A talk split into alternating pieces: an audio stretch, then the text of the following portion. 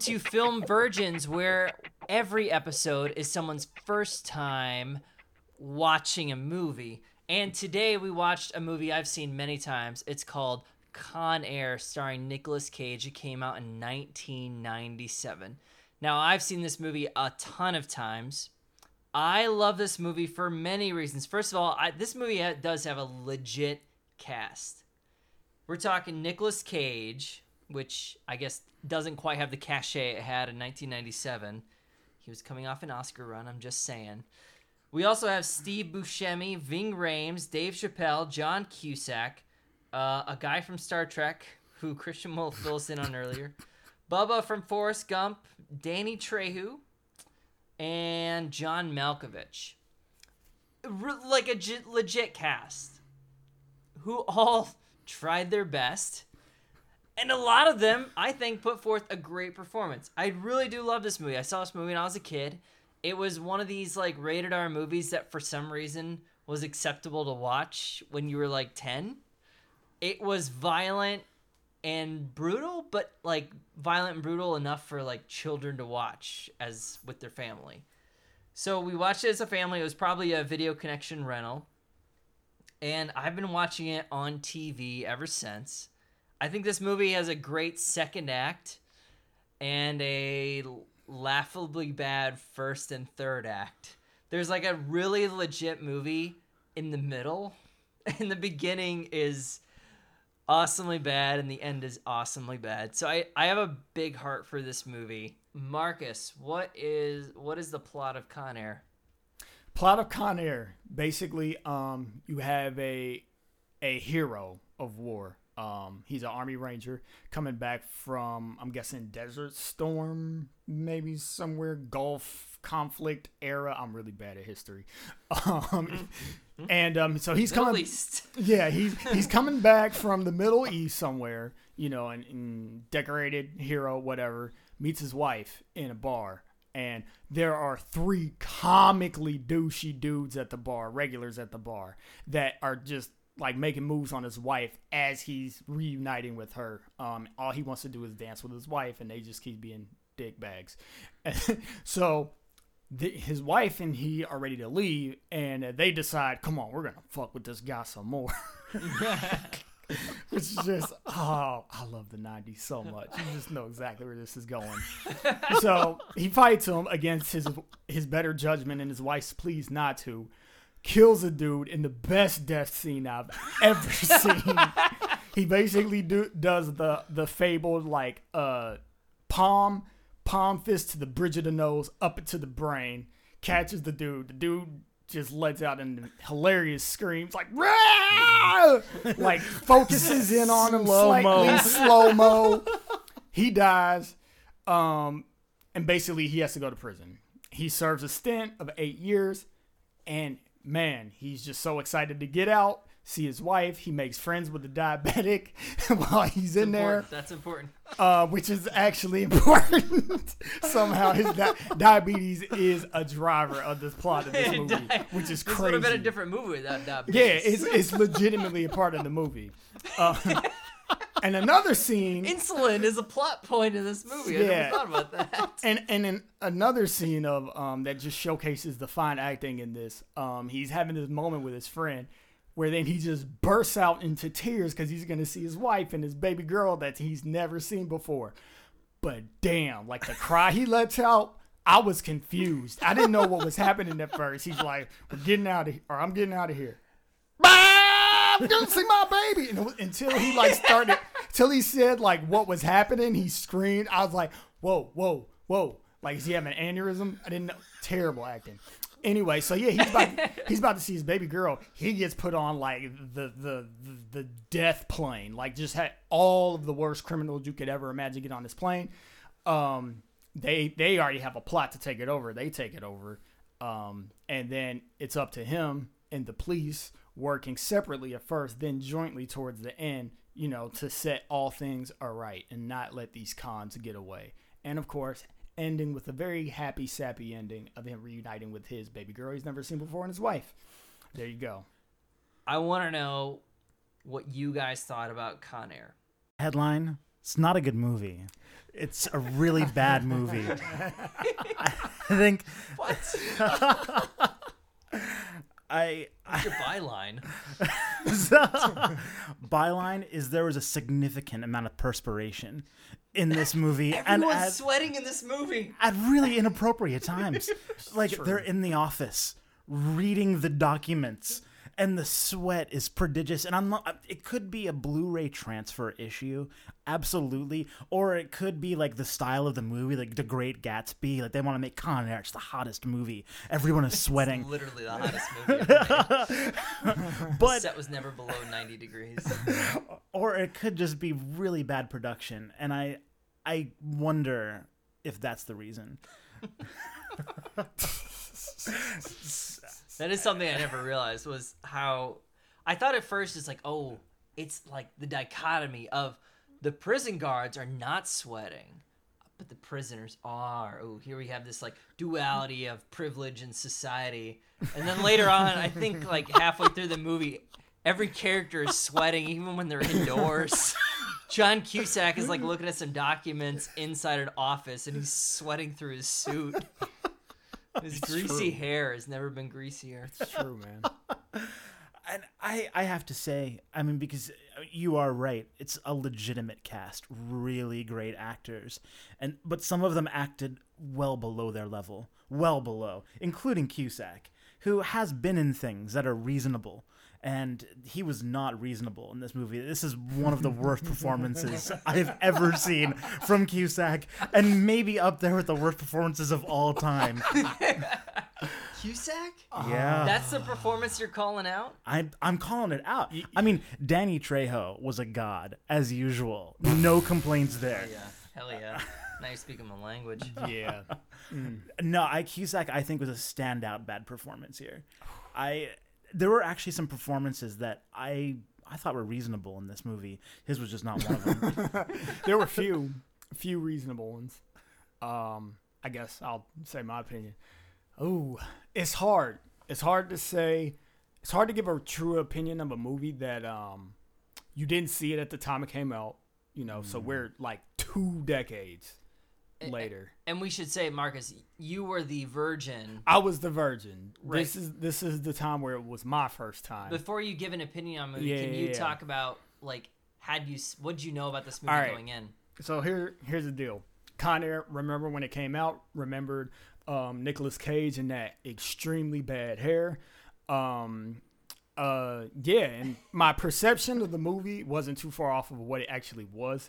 I didn't really understand, um, I guess exactly what the plot was. Like, I didn't understand that he actually was um that he had a history that wasn't sorted basically. His history was um i fought a dude and killed him defending my the honor of my wife and kind of my own military pride. I didn't know that. It was it was more just kind of like me thinking like okay he's on a plane with convicts they take it over and maybe he was like unrightfully accused or something but even though he was like a really bad dude and then they like get away they escape they make it to the island off the shore tripoli or whatever. Um so so yeah i think perception wasn't too far off um but i just didn't really know what the story was. That being said um I kind of knew what to expect as far as it being a 90s action movie starring Nicolas Cage. I think I had it There were many. I think I had it pegged. I will say though that I wasn't expecting to enjoy it as much as I did, but I don't think I enjoyed it for the right reasons. or maybe I enjoyed it for all the right reasons. Like, um, I have to echo Christian sentiment, not a good movie. Um, but I also have to say an excellent movie. Oh, it's so good. If you want to watch something bad and just have a good time, whew, watch this movie. It's so great. It's like so over the top in its acting, like how terrible it is. The racism is delicious. um, just in your face, like no holds barred. I love it. Um, uh, and everybody's treated equally. Like, you, you- like we're gonna be racist at white people, uh, black people, some races that might not even be in the movie. Um, and also just the gratuity of justice. Like, basically, we'll get into it a little bit later. But um, when people get theirs, oh, they get it, and it's so in your face. Like, this is the evil person right now. Watch him die in the way that you want him to die. Fantastic. I, I guess that is why I recommend this movie and why I like low key love this movie is I know it's not a good film. It's not. Nobody's making that argument. But I have to ask this question. And I'll quote Gladiator, Russell Crowe. Were you not entertained? I was entertained. Were you not entertained? I have to say, I was entertained. I, I was definitely entertained, but I'm also entertained when I watch MST3K. And I have to say that sometimes making fun of the film is about as fun as watching a great film. So I don't really know, just like Marcus as I have no idea why I was entertained, but it might have been for really incorrect reasons. I love the way Marcus said that. I, I mean, but this is a genre film. Uh, Con Air is a genre film. It is 90s action, right? And I think it's fair because, you know, I have criticisms that, you know, oh, it's not realistic that the cons would work together cooperatively. But that's absurd. It is a genre film, right? But I would compare it to other genre films. I'd compare it to True Lies, which I think is probably one of the best to breed compared to Lethal Weapon. Um, all four, I think, pretty reasonable. Uh, the uh, I don't know the the genre films at the time. Some of them are pretty solid. So I I'm just wondering how does it compare to those? One of the reasons I do, I wrote this word down, two words. Maybe it's one. I don't know. It might be a contraction. it might be a compound word. Uh, it's not a contraction. It might be a compound word. Uh, time capsule. Very much. Con Air is a time capsule of 1997. Very much. And the films that people wanted to see. And I say wanted to see because this film had a budget of $75 million, grossed 101 million domestic, with a total gross of 224 million. Wow. A certified hit. Yeah, that made it smart. This movie was a hit. Jeez. Part of the reason it's a hit is not because of the director or the writer, which didn't really do anything of note, but Jerry Bruckheimer in the 80s and 90s was on fire. We're talking Beverly Hills Cop, Top Gun, Days of Thunder, Bad Boys, Oh, The wow. Rock. A genuinely good movie, by the way, one of your favorites, Enemy of the State. Very good. I love it. It's Very good I do. Um, Armageddon. Eh, I think I liked it. here's the deal. I think he had his pulse on what was relevant for a time. And I think you can see that in this movie. I think this movie was relevant to the time. What the problem with it the problem with Jerry Bruckheimer is if you're a product of your time, you're going to be a product of your time. You're not going to function well outside of that time. Right. If we look into the mid 2000s, we have Pirates of the Caribbean in 2003. And then we have probably his last hit, which was National Treasure, which is a movie I didn't like, but a reunification with Nicolas Cage. Yep. That was 2004. Here's his filmography since then Pirates of the Caribbean 2 in 2007, Terrible. along with National Treasure 2. Didn't see it, bet it's terrible. 2010, Prince of Persia, a Middle Eastern film starring Jake Gyllenhaal. Disappointed. I actually wanted that movie to be good. Wait, was he the prince? Yeah. He's the prince. Ah. He's Yeah. the sands No. of time. Yeah. But- the girls were hot in it though. Ah, it's so whitewashed. All right, so then we have The Sorcerer's Apprentice, also starring Nicolas Cage, which I don't know anything about, Not but that great. we have. It's Lo- good for kids. Kids will like it. You saw it. Yeah, I've seen it. You're the only person who, who I personally know. Who saw. You know what? I saw with my wife. We occasionally have what we like to call bad fantasy movie mm. days, mm. where we just get a mm. bunch of shit and we just watch it all day and like eat snacks and laugh. There's And a lot of those. Sorcerer Apprentice was actually a part of that. And you know what? My view of Sorcerer Apprentice is probably skewed a bit because it was far from the worst thing we watched. Um, because some some of the things we watched weren't even movies. We don't know what happened. like, we're just like, oh, like two hours of just dead space just happened where our brains turned off and we can't get them back. We don't know what happened. Sorcerer Apprentice at least was like I could see like an eight year old feeling it. Oh, fair enough. Uh, after Sorcerer's Apprentice, we have The Lone Ranger. Oh God. All right, so I think that was like I don't have the date written for that one. I think it was like 2014, 2015, Somewhere but around there. a big, big box office bomb. And then for 2017, we have Geostorm. Have you guys seen the trailer for Geostorm? Ooh, no. what? I've never even heard of that. Okay, I was watching a movie. I think it was for Wonder Woman.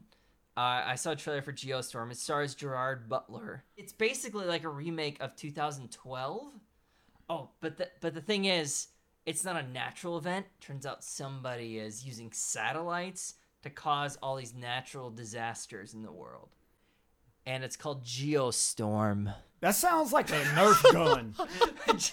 that sounds like a Super Soaker or some shit.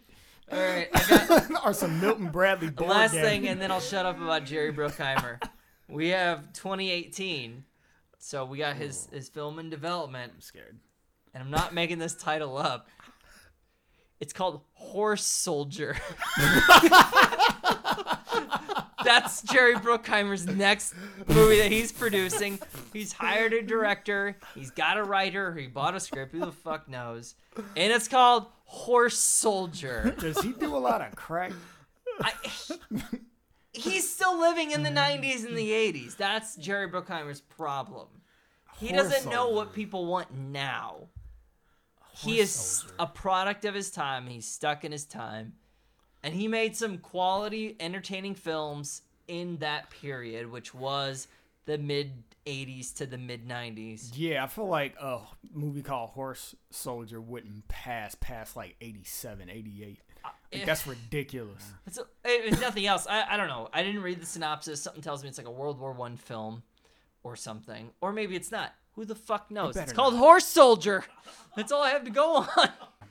That's ridiculous, dude. Like he killed it, killed it in the late 80s, early 90s. Like all of those movies were just like blockbuster hits, man. He had clearly no interest in Oscars. Okay. Apparently. All right. I'm gonna I'm gonna bring us back to Con Air, and Con Air. I think it's really very interesting that Christian would call out John Cusack's performance, who I thought was fine. I thought he he read the lines well. Actually, you know what? I take it back. Hmm. I think his performance is fine. I think it's good. He did exactly what he needed to do. He's like the liberal cop compared to the guy from Star Trek, whose name I didn't write down. Colm Meaney. Thank you. Holy shit, that is him. It's Colm Meaney. I was trying From to Next think. Generation. Right? Yeah, what was his name? And- mostly from Nine. DS9. What was his He wife's was a name? regular. Yoko, because he was married to the Asian chick, right? Yes, that is true. Uh, Was her name Yoko in the show? No, it was absolutely not Yoko. Okay. Marcus. Okay. I'm gonna try again to rear this shit back to Con Air. Nicolas Cage. Oh God.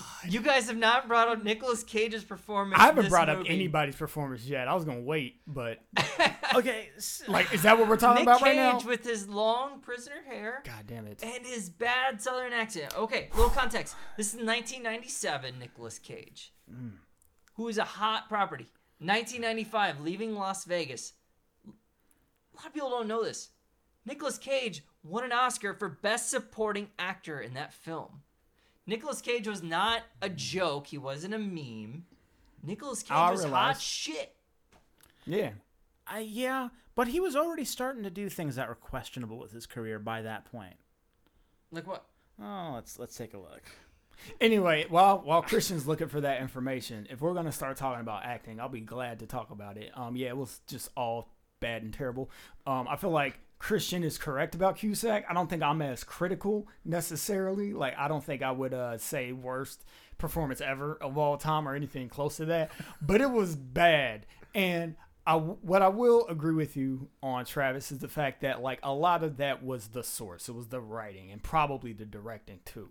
But uh, he didn't do it any favors. I feel like one scene that just and this is probably more indicative of the of the directing and the writing than anything else. But um towards the end of the movie in the third act where they're having this big old gun battle the convicts versus they pu- pull in like the national guard or somebody i don't know who but um Nicolas Cage, there's this quick cut. Not Nicolas Cage, sorry. John Cusack, there's this quick cut where he's trying to drive a car through all the mayhem. And it's 1997, so apparently in action scenes, you have to have 60 cuts per minute. One cut every second of time elapsing on the film must be dedicated to like an individual cut every second. And there's a cut where he's just like, okay, as he's trying to drive through the mayhem. And it's just like, what? First of all, why, why, why, why did that scene happen? Why was it written? Why was it directed? Why was it put? Why did it make it? Why did it make it into the movie? Because it was just no, nobody will say okay. like he was like annoyed slash opera singing. It's like, d- dude, no, no, that doesn't make any sense. so I don't know. I don't know what my point was, but that was bad. But anyway, let's go back to Nicolas Cage. Damn it. Here's here's what I'll say about his accent. His accent actually wasn't that bad. His accent mixed with his delivery of the lines is what I felt was terrible. I felt like if maybe they had another uh, an, an actor who was more natural but had the exact same like timbre in their voice, he could have pulled it off. But he was just like, "Dear Casey, jail is not a place where we hold hands like your kindergarten class. I miss you forever."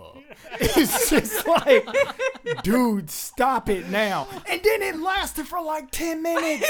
He kept talking. He kept narrating. And then the little girl, which, I mean, obviously she's going to suck because, like, you child. You're you're a prodigy. If you're a good child actor, you're a prodigy. Like, of course she's gonna be bad, but it was just like this is Dear Daddy, Yeah. are you ever coming home? and you just did it better than she did. And she was probably really southern because you can't make a kid that's like small fake a southern accent probably.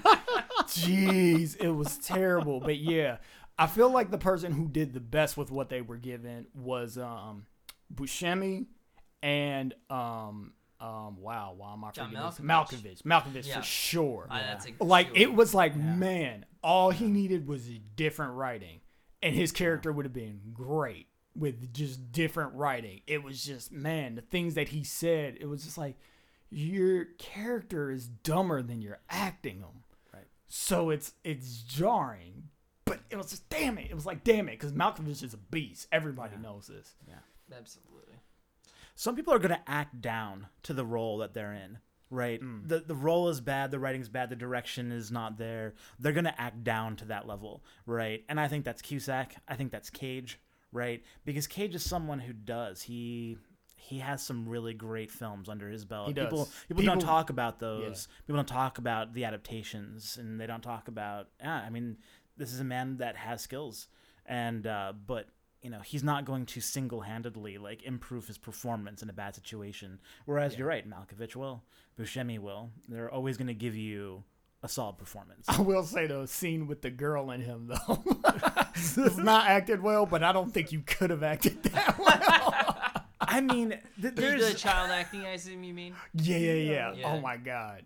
th- this is this is a i mean it's a genre film but some When of you the, when the- you say genre film, for me and the other lay people out there, what exactly does genre film mean? I mean, this is it fits a very particular mold of film. This is an action film. It's a 90s action film, which is really doesn't really resemble a 2010s action film. It's its its own genre and its own style and it, you know, it's not going to apologize for that. And again, I've talked about plausibility is not there, but it doesn't really have to be. But some of the scenes the plausibility is beyond ridiculous. I don't understand like why like if you're just a parent and you're just like hey abigail why don't you play in the dried up abandoned pool today and and then you see several really suspicious looking planes go by maybe an explosion or two and you're thinking it's still good that she's at the abandoned pool i'll leave her there his his subplot really did lift right out of the movie, and I kind of wonder if there was some sort of comic sensibility during that time that I'm forgetting or missing because it seemed like there was a lot of stuff like that in the movie where they would just include these cuts. And it's like, why did you include that? Like, okay, so at the, like towards the climax of the movie, when the plane lands on the Las Vegas Strip, crashes through everything. Hard rock cafe street poles whatever what have you. It it settles at a casino um kind of like settles right in front of a, a jet what slot machine yeah, slot, slot machine. slot machine goes ding ding ding ding ding ding ding 777 bunch of money comes out. Why was that there? Was that for a laugh? I mean, I did laugh, but I don't know if I was supposed to laugh the way I did laugh. It was a time where brutal murders, like I'm talking the mid '90s, where like brutal violence and like snarky lowest common denominator jokes would exist in the same film, and this film is sprinkled with that. it's true. I mean, even like the, I mean the the uh, the transgender prisoner is like played for laughs, completely. And to the point where he's a Nicolas Cage, our protagonist, is about to punch the transgendered prisoner, um, and then just decides to bitch slap him. Instead, it seemed more appropriate. And dare I say, Nicolas Cage's character named Cameron Poe just killed a guy and put his fucking rib cage through a pipe.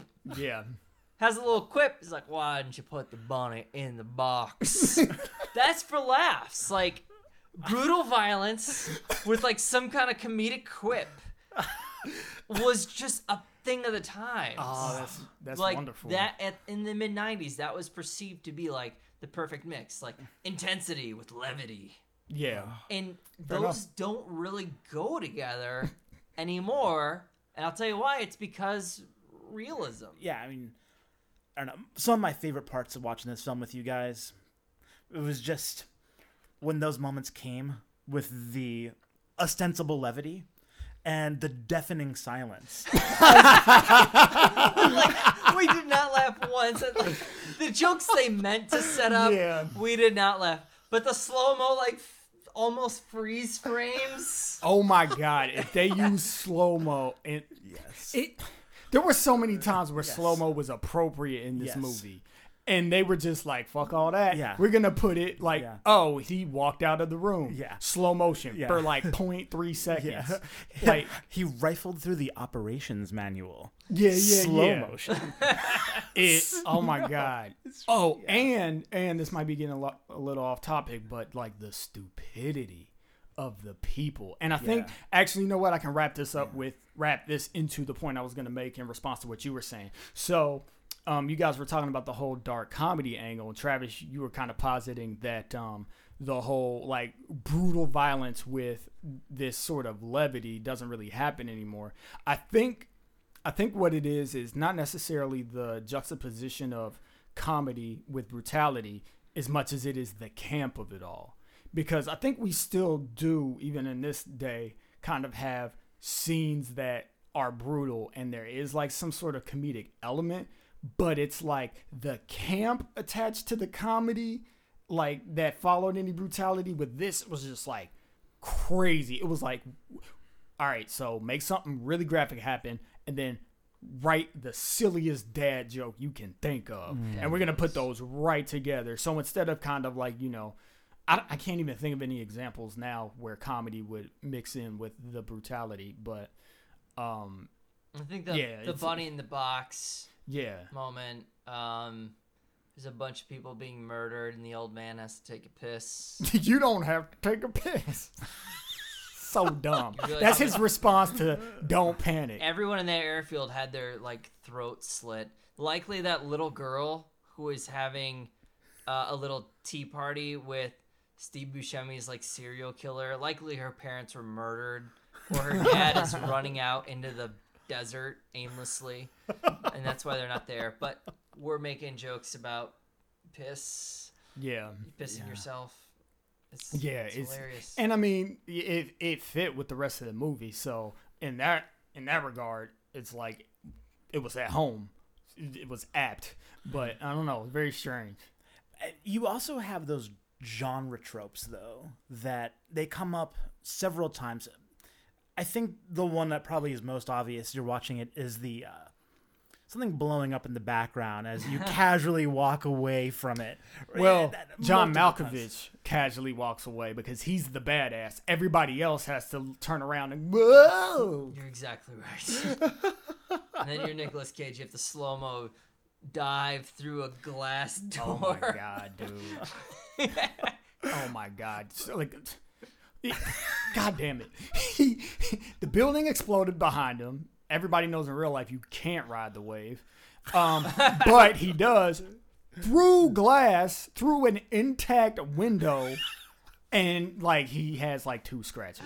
Oh, but those scratches he got those in the fights, the conflicts he had before diving through the glass Glass away hurt. from an explosion. He he didn't get those during that act at all. You know, I, I guess at that point though, I have to commend them because the sweat probably was appropriate at that particular point in the movie. No, I think he was totally dry by that point. it was once again the people doing ops, like at the the data center, like, sweating profusely. I would argue the opposite. His greasiness is what made him able to glide through that Yeah, window you seamlessly. There you go. The few moments where the film actually tries to make its own trope or to create its own kind of action or tension, I, think fall flat. And the best one is so Nick Cage basically. Uh, he's pulled out of a building by three people that were ferrying a drug cartel boss away from from the action and one of them threatens Nicolas Cage with a gun and when he explains that everyone will hear if they shoot him he dramatically attaches the silencer and I guess I'm really confused. A, why the silencer wasn't already attached. If you have that, do you just keep it in a pocket? Like, I'll attach this when I need it. Because, you know, even that is a little loud if you're trying to stealthily sneak up on someone. And I really thought that they tried to make something dramatic with that action, and it was awful. It was just awful. But then it follows with what was the line, Travis? Well, hooray for the sounds of silence. It's something like that. Hooray for the sounds of silence. Like it was something really, really sound- clever, and it wasn't. Oh, yeah. I don't know why they didn't just put a bullet. that just his came right roaring back. Right. I did not like that. Oh my god. And that's the thing is, is this is the one-liners are one of the things that you judge, and the one-liners were Terrible. Were really On point. What? no, they're, yeah, they they're were bad. they they're were bad. particularly bad in this movie. Particularly, this is a ridiculous movie to watch with your family. Yeah, but we did. I I mean, and my mom was like fairly trying to trying to shelter me, but you know, maybe not doing the best job of it because I had like an older brother and we had cable with like stars in the movie channels, so I could watch anything after midnight. Right. this is the amazing thing about movies, especially movies that you can consider time capsules, which this is definitely. I mean, the first thing I said when the movie was starting was like hardcore nostalgia. Like, mm. whenever this movie came out, I want to be back there because I think there were all sorts of cues that just like hit all these subconscious switches in my brain that just like brought me back to being 12 which is how old I was when the movie came out. It's, it's just crazy and nuts. But um, but uh, going along with the whole time capsule thing, it's funny to see like what I guess the temperament of viewers would have been because like this movie now, like first of all, I don't know if it get, gets made, Oh no, and you can't. you couldn't degrade the prison population. right, We have documentaries now that show like the brutality of prisons and how these peoples are they're victims of the law and victims of society. You can't make them antagonists. To they, you can't put hmm. make them like can like I don't want to say cannon fodder, but like yeah. just your your straw men, so to speak. Yeah, because you run the risk of demonizing because everybody is demonized. You can't if, if demonize a If you have a critique about anyone, you're demonized. But um, but yeah, that's the interesting thing because like, man, can we get into racism, please? Because the racism was great. It was fan fucking tastic, and that shit would not fly today, and it makes me so happy Is, the, imagining. is it the Blazing Saddles in the '90s or what? I where are you mean- going with that?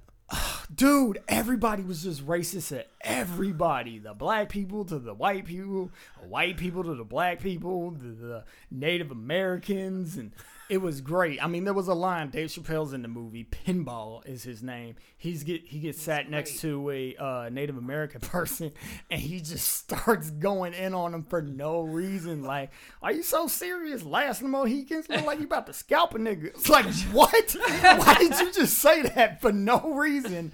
Whatsoever. Dang, he's like that dude burst into flames. He was chanting and shit. I'm like, damn. I'm gonna pause you real quick. I read on Wikipedia before watching this that Dave Chappelle improvised a lot of his lines. You know what? That makes a hundred percent sense because it's it's completely his comedy styling. Definitely, especially at that time too. He's because- super funny in the movie. Yeah, he is really Like he's funny. genuinely hilarious. Chappelle actually, he's he did good for for what he was in the movie because I feel like they hired they were like let's get a comedian in here and let him do its thing. But he his comedy actually did kind of feel out of place. And probably because it was funny. Like like it wasn't just absurd and campy. It was just absurd and evoked laughter. And I mean, hey, mm. if you're watching with a more sensitive audience, like, ooh, be ready to be offended at the shit he was saying because he just took it there. Mm. And it's so interesting how that would pass. Like, I couldn't imagine that passing in the movie now because you have a bunch of bloggers like, look, Air is a, a showcase in the insensitivities of the patriarchy or whatever bullshit somebody's to write for some reason. And it's just kind of like, um, it's funny because it's absurd. Like, that's what makes it humorous because you're not supposed to be like that. Like, you don't, it's not because you're lauding it. It's just like, oh, that thing, that subtle anxiety that I have in my mind all the time that's inhibiting me from saying things around people because I generally want to mm. be like a decent human being.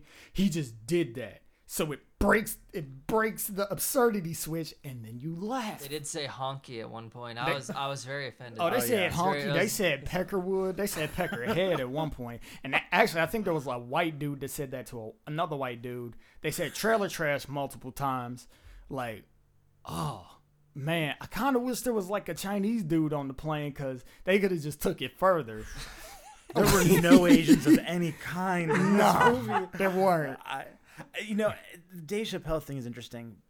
He kind of exits the movie about midway through, and I, I did. I felt that the like the timbre of the movie changed, and it it did. It felt really off. The whole it was like it was really different It in the li- first half with him than the second half without. All right, so let's let's get into a little bit of wrap up mode. And so, having said all that, would you recommend this movie, or who would you recommend this movie to, if anyone? boy. I am struggling to think of a person to whom I would recommend this movie. I, I mean, I think if I knew somebody who was unapologetically into 90s action movies, like the thing is, but that person fictional person probably would have already seen this movie.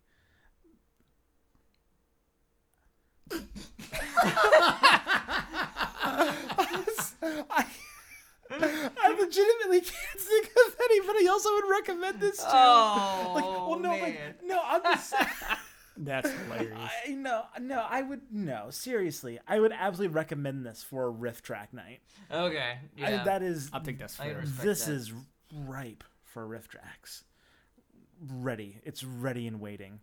I don't think that this is a movie that I recommend for someone who doesn't really have any experience with 90s action and doesn't really have an interest in making fun of something. I know this is Film Virgins, where somebody hasn't seen the film and then we're showing it to them. But you do wonder, like, if we showed this to like a 13 year old Mm. in 2017, God, I don't know what would their reaction be? Dude, that'd be the most interesting thing ever. Yeah. I don't know. Like that would be the most film virgin virgin Yeah, ever. seriously. Like, oh man. Like without having any context of what film was like in 1997. Holy crap. I don't know. I- I'm trying to think from my perspective because I'm I'm 35 now, right? So We're old as shit. old as shit, right? But I want to know would my parents ever have purposefully shown me a movie that they knew blew?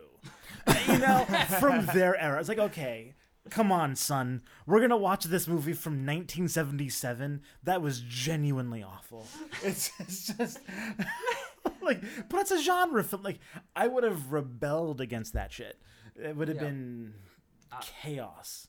I think I have to echo Christian.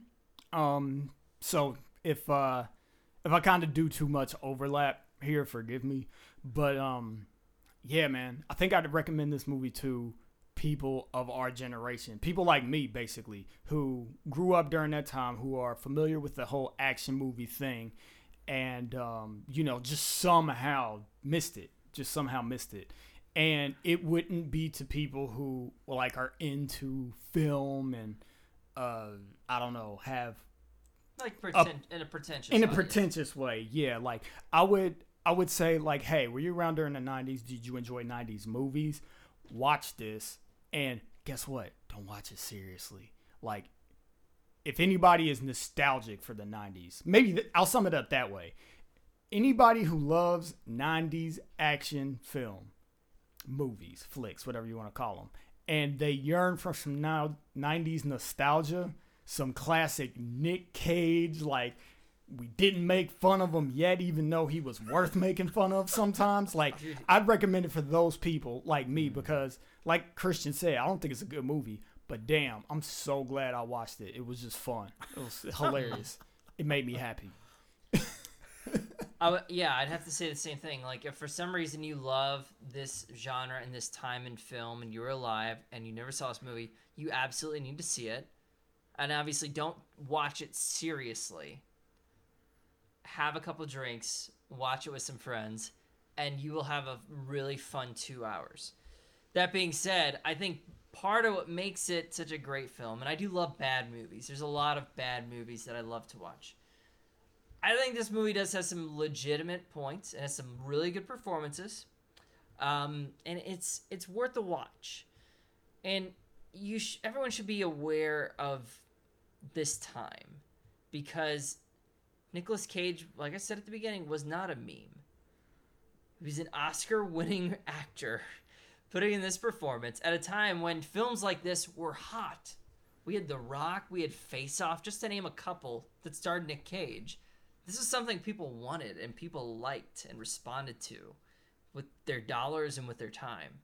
So I do think it's worth a watch. It's worth an open mind. I just want to bring up because like we mentioned Nick Cage, you mentioned two times, and I I objected. Nick Cage, by the time he made this movie, had been in dozens of films, many of which were very poorly received by everyone, and many of which he starred in. And I'm not sure if he was a meme per se. I agree with that. And there were several notable successes immediately before Con Air and right around that time, right? That being said, he was in some real boners before then. and I'm just looking through IMDb and looking at IMDb scores. Like, Zandalee, 4.4. Oh, an IMDb. Yes. Oh, 4.4 is pretty That's- amazingly low. That's low. Uh, yeah. Um, There, there are terrible movies that still get like six point something on IMDb. That's uh, Con Air had a uh, six point eight. Ah, So, all right, I just want to 6.8. So this is a full 2.4 score less than Con Air. Uh, 2.4 that's that's huge. All right. I just I want I want to read this. Bored with her marriage, to burnt out poet turned corporate executive, Thierry, Zandalee falls prey to an old friend of her husband, the manipulative and egotistical Johnny, and becomes enmeshed in a sensual, passionate, and destructive affair. But it isn't only the flames of their erotic affair that are fanned by the steamy heat of the deep New Orleans nights. Hatred, desire, and revenge stalk the lovers with a relentless precision. And for Zandalee, the moment of truth arrives with a terrifying finality. This is this is Say the poet, corporate Yes, executives. yes poet turned corporate, corporate executive. executive. What? Bored with her marriage. Oh my god. But this O- is- only the- in the '90s can you become like that from that.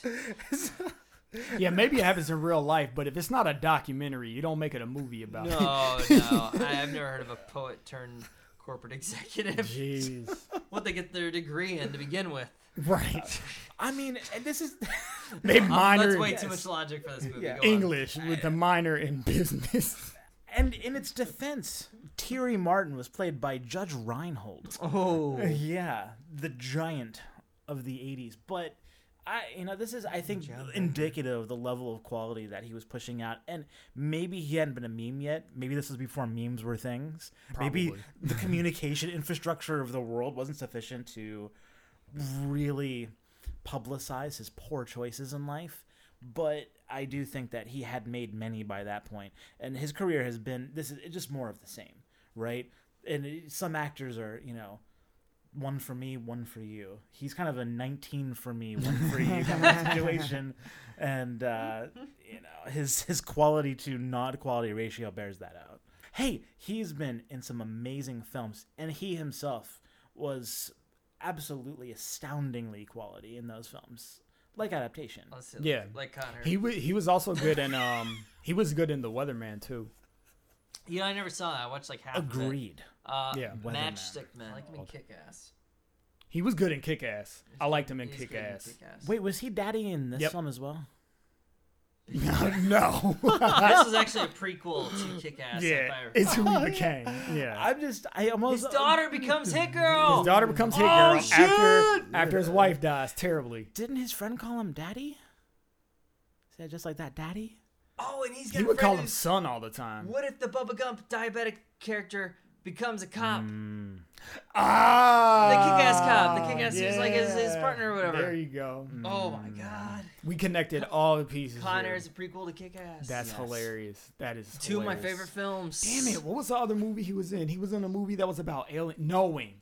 I liked him in that.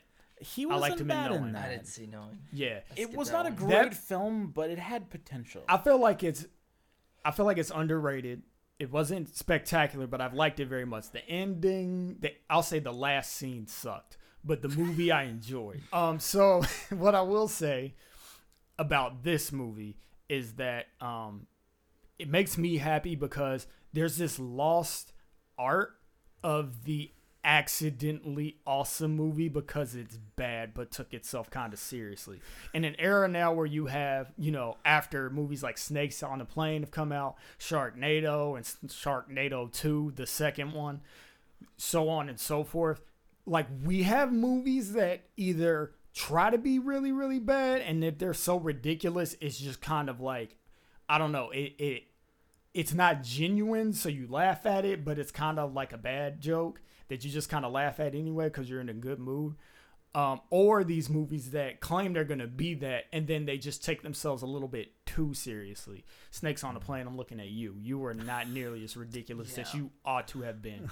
Th- like these movies just don't exist anymore. At least not like in the box office. You know, um, maybe they're accidental indie movies that this will happen with, but um, yeah, it it kind of scratches that itch that I haven't had scratched this thoroughly in a long time. Where mm. there's just a movie that's so outlandish yet takes itself seriously enough that it's always not supposed to be a joke. Sometimes you laugh and you're not supposed to laugh. And that just kind of makes it great. Con Air, I love you. Thanks for listening. Subscribe and look for our next episode next week. Yeah.